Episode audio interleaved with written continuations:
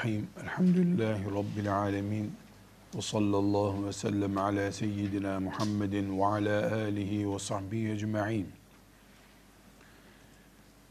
Ashab-ı kiramdan itibaren Kur'an-ı Kerim'in bugüne kadar canlı insanlar üzerinden kıyamete kadar taşınacak bir kapasiteyle gelmesinde en büyük hizmeti Kur'an hafızlarının Kur'an-ı Kerim'i baştan sona kadar ezber bilenlerin sağladığını defalarca anlamışızdır, görmüşüzdür. Hafız Kur'an-ı Kerim'i birinci suresinden son suresine kadar bakmadan ezbere okuyabilen insana denir. Nasıl namaza duran birisi Elhamdülillahi Rabbil Alemin diye Fatiha-i Şerif'i okuyabiliyorsa aynı şekilde Hafız Efendi 114 suresini namazda Fatiha'yı okur gibi okursa eğer ona hafız denir. Hafızlıkla ilgili memleketimizde elhamdülillah büyük gelişmeler, epey büyük gelişmeler var. Bunu basit göremeyiz. Elbette büyük badireler geçirmiş bir millet olarak mevcut durumumuz ne ashab-ı kiramla ne de Sultan Fatih dönemindeki ulemanın hafızlığı ile ölçülebilecek bir durum değildir. Ama her halükarda çok güzel Kur'an-ı Kerim'e hizmet açısından bakıldığında çok güzel denebilecek bir gelişme vardır. Bunun için Rabbimize hamd ederiz, şükrederiz. Ama gerek bugün iyi dediğimiz mevcut durumumuz ve gerekse bundan önceki durumumuz Kur'an hafızlarının sadece işte çok mübarek bir kitabı ezberlemiş güzel insanlar olarak görülmesini yetersiz buluyoruz. Kur'an-ı Kerim'i ezberlemiş olmaya biraz daha farklı bakmak gerekiyor. Nasıl Uhud'da şehit düşen Hamza radıyallahu anh o olmasaydı, o şehadet, o fedakarlıklar olmasaydı, e bugün İslam mı olurdu diye Uhud şehitlerini çok büyük bir minnetle anıp çok aktif bir yere oturtuyoruz. Aynı şekilde hafızları da Allah'ın kitabı bize gelir miydi bugüne kadar hafızlar olmasaydı diye düşünmemiz lazım. Hafızlara bu gözle bakmamız gerekiyor. Bu gözle bakıp büyük görmemiz gerekiyor. Hafızların da kendilerini böyle görmeleri gerekiyor. İlahiyat tahsili yapmak için işte filan camide imamlık yapmak için hafızlık yapmak, eh o da bir iş şüphesiz. Yani o da iyi bir maksat. Buna da bir denecek yok. Ama hafızlığın bambaşka bir yeri var. Kur'an-ı Kerim'in kıyamete kadar unutulmaması, Kur'an-ı Kerim'in Allah'ın emaneti olarak muhafaza edilmesi gibi çok büyük bir görevde en önemli kişi olmak kıyamet günü Resulullah sallallahu aleyhi ve selleme uzanmış bir zincirin halkalarından biri olarak dirilmek bundan büyük bir keramet, bundan büyük bir lütuf olmaz şüphesiz. Bu nedenle hafızlar evvela kendileri bulundukları konumun ne kadar muhteşem olduğunu, kimin talebesi olduklarını, kimin, kime intisap ettiklerini bunu herhalde şu dünyada hafızlar anlamayacaksa kimse anlamayacak demektir. Birisi çok iyi yaygın bir örnek olduğu için söylüyorum. Mesela e, bir insan bir tarikata intisap ediyor. A tarikatına intisap ediyor. Ve sorulduğu zaman bu tarikattaki konum nedir? Sen nereye bağlısın? İşte ben filanca şeyhe, o da filancaya, o da filancaya, filanca filanca filan şeyhe ulaşıyoruz diyor. Kur'an-ı Kerim'i hafız olarak ezberleyen ve bu sözünü ettiğimiz kapasitede Kur'an muhafızı olan birisinin incelendiğinde bir icazet almış hafız efendi bir tarikat mensubu gibi böyle e, hayali denebilecek ya da rüya ile görünmüş bir macera üzerinden değil, bizzat ezberleyerek, fiilen el tuta tuta ta Resulullah sallallahu aleyhi ve selleme oradan Cebrail'e ve oradan Allah'a ulaşmış oluyor. Hafız kendisine böyle bakacak bir defa. Bu bir hayal değil, temenni değil. Ya böyle olsa iyi olurdu diyeceğimiz bir şey değil. Böyle bu. Bu böyle. Hafız olmak Resulullah sallallahu aleyhi ve sellem'den sonraki silsilede bulunmak demektir. Bunun kıymetini hafız bilecek, ebeveyni bilecek, toplum, mümin toplum bilecek. Yani mesela bir imam efendi, el-hak e, görevlisi olduğu camide e, imam olduğu sürece mihrabın hak sahibidir. E, kimse onun önüne geçmemelidir. Geçemez de zaten. Fıkıhta böyledir. Ama imam efendi hafız olmalı. Arkasında hafız varsa nezaketen onu öne geçirmeyi bilmelidir. Hafızın önüne Uhud'da şehit olsaydı bile geçemeyecekti. Uhud'daki şehitleri bile Resulullah sallallahu aleyhi ve sellem Kur'an ezberleri sırasına göre koydu. Ee, Uhud'da şehit olmak gibi büyük bir makam bile hafızlık farkını kapattıramıyor. E, Müslüman toplumda hafız insan bu farkla bilinmeli. Hafız denmemeli, hafız efendi denmeli. Elbette bu makamın, bu büyük makamın sahibi de bunun kıymetini bilmeli. Ne şımarma ne de suistimal etme veya e, yüzsüzlük edip o büyük ünvanı, o muhteşem makamı lekeleme gibi bir hataya düşmemeli. Önümde bir hadisi şerif var. Ee, Abdullah İbni Amr radıyallahu anhuma Resulullah sallallahu aleyhi ve sellem Efendimiz'den e, bir hadisi şerif naklediyor. Tabarani'nin e, Mu'camul e, Kebir'inde e, rivayet edilen bu hadis-i şerifi e, burada okumak istiyorum. E, neden? Yani sözünü ettiğimiz şu muhteşem hafızlık e, müjdesini, hafızlık payesini, ünvanını sahip olmuş sizin gibi mübarek gençler, bu ümmetin gençleri neye sahip olduklarını bilmelidirler. Şimdi hadisi şerife e, dikkat edelim. Abdullah İbni Amr radıyallahu anhuma diyor ki Resulullah sallallahu aleyhi ve sellem buyurdu. Kur'an-ı Kerim'i okuyabilen yani hafız birisi فَكَأَنَّمَا üstüd ricletin nübüvvetu beyne cenbeyhi ifadeyi çok dikkat edelim. Fekeennemâ üstüd ricetil nübüvvetu beyne cembeyhi. Hafızın sanki iki kaşı arasına nübüvvet konmuş gibidir. Nübüvvet konmuş gibidir. Yani sanki alnında nübüvvet, peygamberlik var gibidir.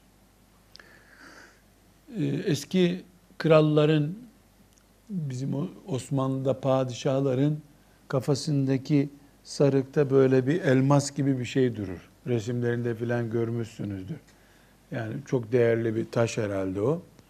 Böyle sarığının kavuğunun üstünde tam ortasında durur. Onu tarif ediyor Efendimiz. Sanki hafızın alnında peygamberlik var gibi. Gayra ennehu la yuha ileyhi. Ama ona vahiy gelen bir peygamber değildir o. Vahiy gelmiyor ama sanki peygamberlik makamı alnına yerleştirilmiş gibidir.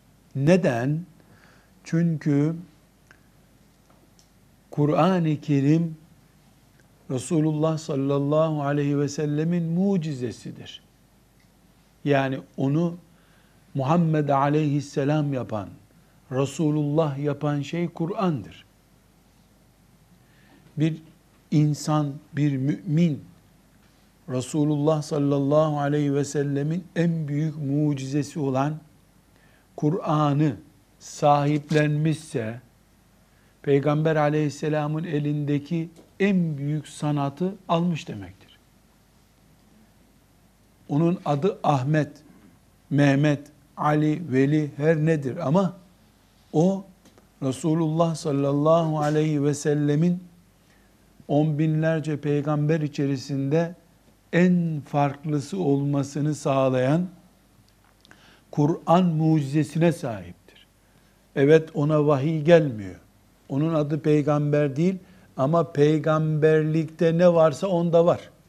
Nedir o peygamberlikteki sır? Kur'an'dır. Kur'an onda var. Peygamber değil, peygamberin hazinesi onun elinde. Bu bakış tarzı işte hafızla hafız efendi, efendi arasındaki farktır. Bu farktan dolayı işte hafız olan birisi şehitlerin bile önüne konabilecek bir duruma geçmektedir. Sonra hadisi şerif diyor ki kim Kur'an okuyabiliyorsa yani Kur'an'ı ezber okuyabiliyorsa sanki ona bütün nübüvvet silahları verilmiş olduğu için yani büyük bir mucize verilmiş olduğu için Kur'an'ı ezber bilen birisi kendisinden daha kıymetli bir şeye sahip insan olabileceğini zannetmemelidir. Eğer zannediyorsa ki ben hafızım ama filanca benden iyidir deyip hafızlığını küçük küçük görüyorsa Allah'ın büyük gördüğünü küçük görmüş bir insandır o. Allah'ın büyük dediğine küçük diyen insandır. Çünkü Allah Kur'an'ını büyük gördü. Peygamberini de Kur'an'la büyüttü. Bu kuluna da Kur'an'ı lütfetti, ihsan etti. Bu kulu da Kur'an sahibi oldu. Allah büyük gördüğünü büyütmek istediği bir kuluna veriyor. Kulunun ise böyle bir heyecanı yok. Burada bir terslik var. Hadis-i şerif ne diyor? Allah'ın büyük gördüğünü küçültmüş, küçük gördüğünü de büyütmüş olur. Çünkü Allah Kur'an büyüktür, diğerleri küçüktür. Diğerler derken mesleğinden, parasından, şöhretine kadar ne varsa onlar küçüktür buyuruyor. E, bu kul ise elindeki bu büyük değeri küçük görüyor. Başkalarının elindeki küçük şeyleri büyük görüyor. Sonra e, Efendimiz sallallahu aleyhi ve sellem buyuruyor ki Kur'an ehli birisinin her gidenle gitmesi, her kızanla kızması, her bağıranla bağırması asla uygun olmaz buyuruyor. Yani Kur'an ehli bir insan sıradan bir insan olamaz. Neden sıradan bir insan olamaz? Li fadlil Kur'ani li fadlil Kur'ani Kur'an'ın faziletinden dolayı.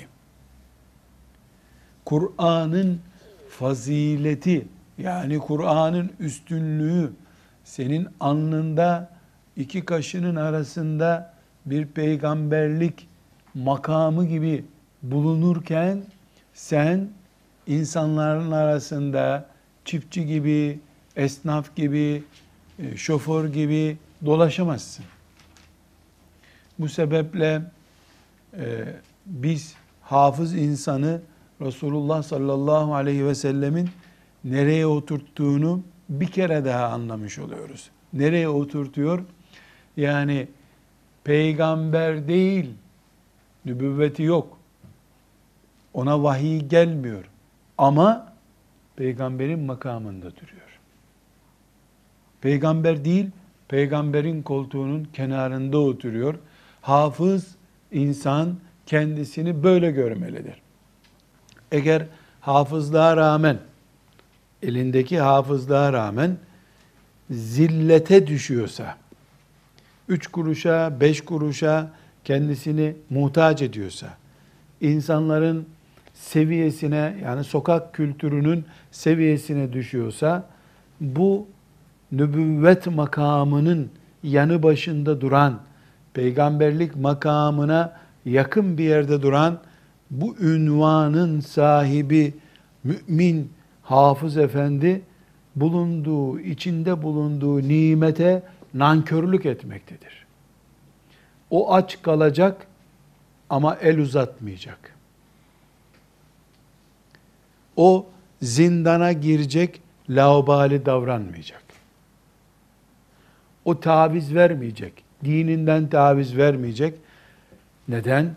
Çünkü Peygamber sallallahu aleyhi ve sellem nübüvvet makamının sahibi olarak, Allah'ın nebisi olarak insanların seviyesinde işler yapmadı.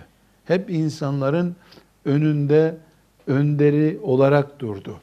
Hafız onun makamının yanı başında duran birisi olarak konuşurken, dinlerken, kıyafetiyle, hareketleriyle Peygamber aleyhisselamın temsil edildiği bir makamda durduğunu bilecek.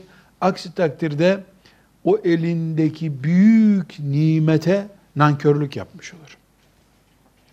Bunu şu şekilde izah edeyim size. Bir zengin fabrikatör bir insan biliyor, herkes biliyor ki işçiler çalıştırıyor vesaire. Sabahleyin işine belediye otobüsüyle o kalabalıkta gittiğini görse insanlar onu nasıl karşılarlar? Bu ne yahu? Paranı koyacak yerin yok. Belediye otobüsüyle işe gidiyorsun sen diye onu ayıplarlar. Halbuki belediye otobüsüyle işe gitmek ne ayıptır, ne suçtur, ne de günahtır. Herkes belediye otobüsüyle işine gidebilir. Ama sen o otobüs otobüsü yapan firmanın sahibisin belki de. Sen ne işin var belediye otobüsünde? Seviyen değil. Aynı şekilde herkes bağırıp çağırabilir, herkes seviyesiz işler yapabilir ama hafız insan seviyesiz iş yapamaz. Bunun için Kur'an medreselerinde hafız yetiştiren hoca efendilere, hoca hanımlara buradan tavsiye etmek istiyoruz. Karaktersiz olduğuna dair tereddüdünüz bulunan ya da vasıflı insan olma ihtimali zayıf olan kimselere hafızlık yaptırmayın. Hafızlık yaptırmayın. Sizin kursunuz talebe bulacak diye hak etmeyenin eline Kur'an'ı vermeyin. Nasıl 3 yaşında bir çocuğun eline bir deste para verip onu sokağa salana deli baba, deli anne deniyor. Ya bu çocuğun eline bu deste para verilir mi? Bu cüzdan bu çocuğun eline verilir mi diye ayıplanıyor. Kıyamet günü Kur'an'ın azametini ve şerefini taşıyamayacak olduğu belli olan gençlerin eline hafızlık ünvanı verip Kur'an'ı lekeletirseniz bunu Allah sorar. sadece Yahudiler, Hristiyanlar, mülhid, dinsizler mi Kur'an'a hakaret ettiği zaman biz Kur'an'ı savunacağız? Kur'an'ın kıyamete kadar taşınmasında halkada yer alacak, sorumluluk taşıyacakların Übey ibn Ka'b gibi vasıflı, kaliteli insanlar olmaları lazım. Elinde cigarayla dolaşan bir insan bir de hafız olarak bilindiğinde belki çevresinde onlarca insan hafız sigara içtiğine göre biz niye sigara içmeyelim deyip onu taklit edip sigara içecekler. Onun çirkin, kaba, caiz olmaz sözler kullanması, sövmesi, sayması Kur'an'a leke olarak dönecek. Hafız olduğu halde namazını ihmal ettiği, sağda solda bilinen birisi yüzünden namaz ağırlığı, namazın azameti insanların gözünde küçülecek. Bir hafız, hafız ama karakter yok, ahlak yok. Hafız diye insanlar ona kızını vermişler.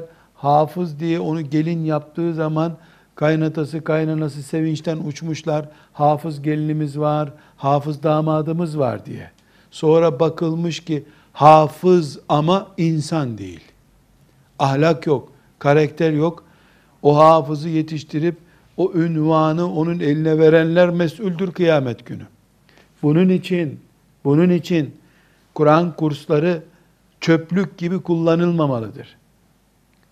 Sağda solda defolu, mağazada satılmaz eşyayı Kur'an kurslarına sadaka bağış olarak götürmemelidir insanlar. Ramazanda talebelere fitreler, şu bu sadakalar verilmemelidir. Dilenciliğe alıştırılmış insanların eskilerini giymeye alıştırılmış e, bir nesil Kur'an'ın azameti ve şerefini taşıyacak bir nesil olmuyor. Allah rahmet eylesin. İhsan Efendi diye bir hocam vardı. E, Trabzonlu. E, çok 15 sene kadar oluyor vefat ettiği. Allah dostu ve kendini hizmete adamış.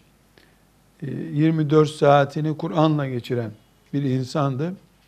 Bir gün e, kendisine Kur'an medreselerinden neden randıman alamıyoruz? Neden çok kaliteli Ebu Hanifeler, müştehit alimler bu medreselerden çıkmıyor gibi bir soru sorduğumda dedi ki çok sebebi var ama dedi ben bir tanesine takıldım dedi. Nedir o dedim? Dedi ki Kur'an kurslarındaki bütçenin çok büyük bölümü zekattan oluşur dedi. Zekat peygamber ailesine verilemeyecek kadar kirli bir şeydir. Malın kiridir, tortusudur. Zekat dul kadının, yetim çocuğun veya benzeri fukaranın hakkıdır. Kur'an-ı Kerim emanetini taşıyacak nesil zekatla büyütülmemeli dedi. O kadar hassas düşündü. Allah rahmet eylesin.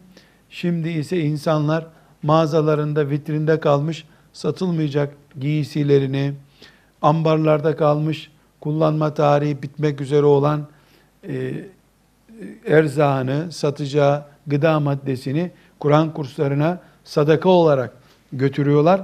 Bu bir afettir. Kur'an-ı Kerim'i taşıyacak nesil insanlara el uzatmamış bir nesil olmalıdır. Evet, lüks giyinen, ütülü, her hafta bir takım değiştiren birisi olması da gerekmiyor. Yırtık giyebilir, eski giyebilir ama yüzünün derisini eskitmesin. İnsanlara elini uzatmasın.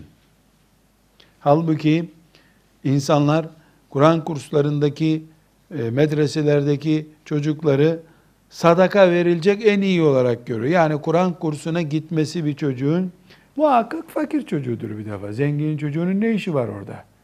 İkincisi e, en temiz sadaka da ona verilir. Kur'an okuyor çocuk. Bir taşla 5-10 kuş vuracaklar akıllarınca. Yani hem hafıza vermiş olacak, hem işte sadakası görevini vermiş olacak, hem mahallesindeki medreseye yardım etmiş olacak. Bu bakış tarzı bu bakış tarzı Kur'an emanetini taşıyacak dik duran, onurlu, yüzünün perdesi eskimemiş nesil yetiştirmeye engeldir. Onun için hafızlar yüz suyu dökmemiş insan olmalıdırlar.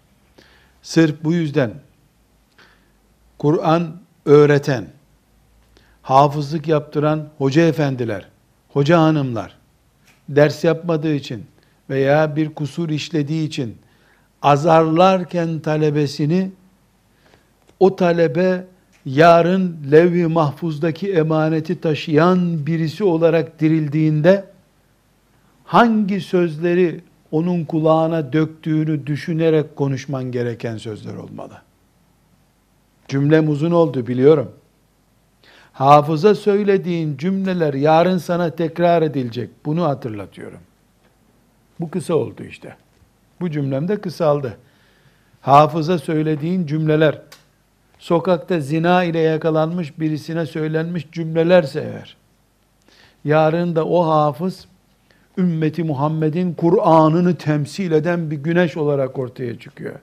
Ümmeti Muhammed ona Kur'an'ın yaşayan mucizesi olarak bakıyor. Sen ona en adi hayvana söylenir sözler söylemiştin. O zaman çocuktu. Ha, o zaman çocuktu. Çocuğun yüreği yaralanmıyor mu?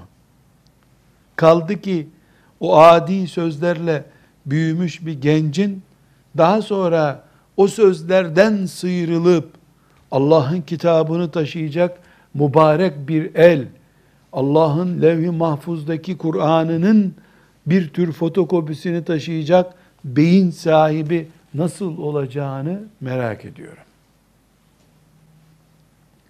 Afet burada. Sıkıntımız burada. Biz mesleğimizin faturasını şimdi ay başında ödediğimiz gibi yani hak edip maaş aldığımız gibi icra ettiğimiz işin bir de kıyamet günü hesabı olacak. Bu incelikleri düşünemeyecek kimse Kur'an öğretmesin çocuklarımıza. Evet, çocuklarımız yaramazlık yapacaklar. Çocuk bu adı üstünde çocuk. Her insan bu tip yaramazlıklarla doğdu, büyüdü. Ama beş kuruş etmez değersiz şeyleri itham ederek çocuğun beynini bir tür kirlettikten sonra ya Kur'an'dan soğuyacak ya da hafız Allah'ın emanetini taşımış levh-i mahfuzdaki Kur'an'ı beyninde taşıyan insan olarak hiçbir zaman bir toplumun önüne çıkıp ey insanlar Allah diyor ki Kur'an diyor ki deme cüreti gösteremeyecek. Neden? Çünkü sen medresede iki sene, üç sene senin yanındayken köleye yapılan muameleyi yaptın. Siyah derili diye Amerika'da insanlara yapılmış işkenceleri beyaz derisi olduğu halde ona yaptın sen. Irkçı davrandın. Hocalığını kullandın, hakaret ettin. Sen hocaydın, bu işten maaş alıyordun. Senin sabretmen gerekirdi. Anne her idrarını kaçırdığında bebeğine beddua mı ediyor? Yoksa anne bunu temizlemekle yükümlü. Onun için anne oldum mu diyor.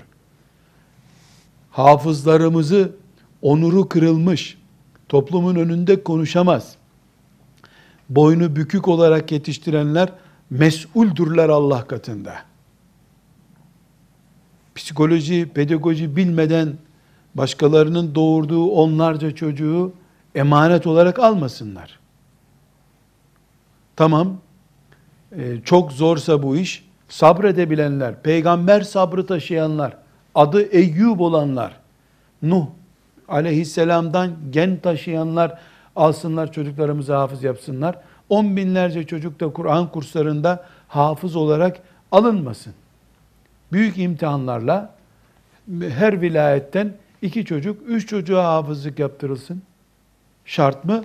On binlerce hafızın yetiştirilmesi, bir hafız yetiştirilsin. Levh-i mahfuzdaki Kur'an, bu yürüyen çocuğun kafasındaki Kur'an'dır diyelim biz. Ramazan'ı dört gözle bekleyip milletin beş kuruş on kuruşuna muhtaç diye yetiştirilmiş ve hiçbir zaman bir toplumda kalkıp Allah'ın kitabı diyor ki diye onuruyla Kur'an'ı savunacak bir kitle yetiştirmek asıl görevimiz. Übey ibn Ka'b böyle bir neslin başıdır. Bunu yapamayacaksak yapmayalım. Hiç olmasın günaha girmiş olmayız. Velhamdülillahi Rabbil Alemin.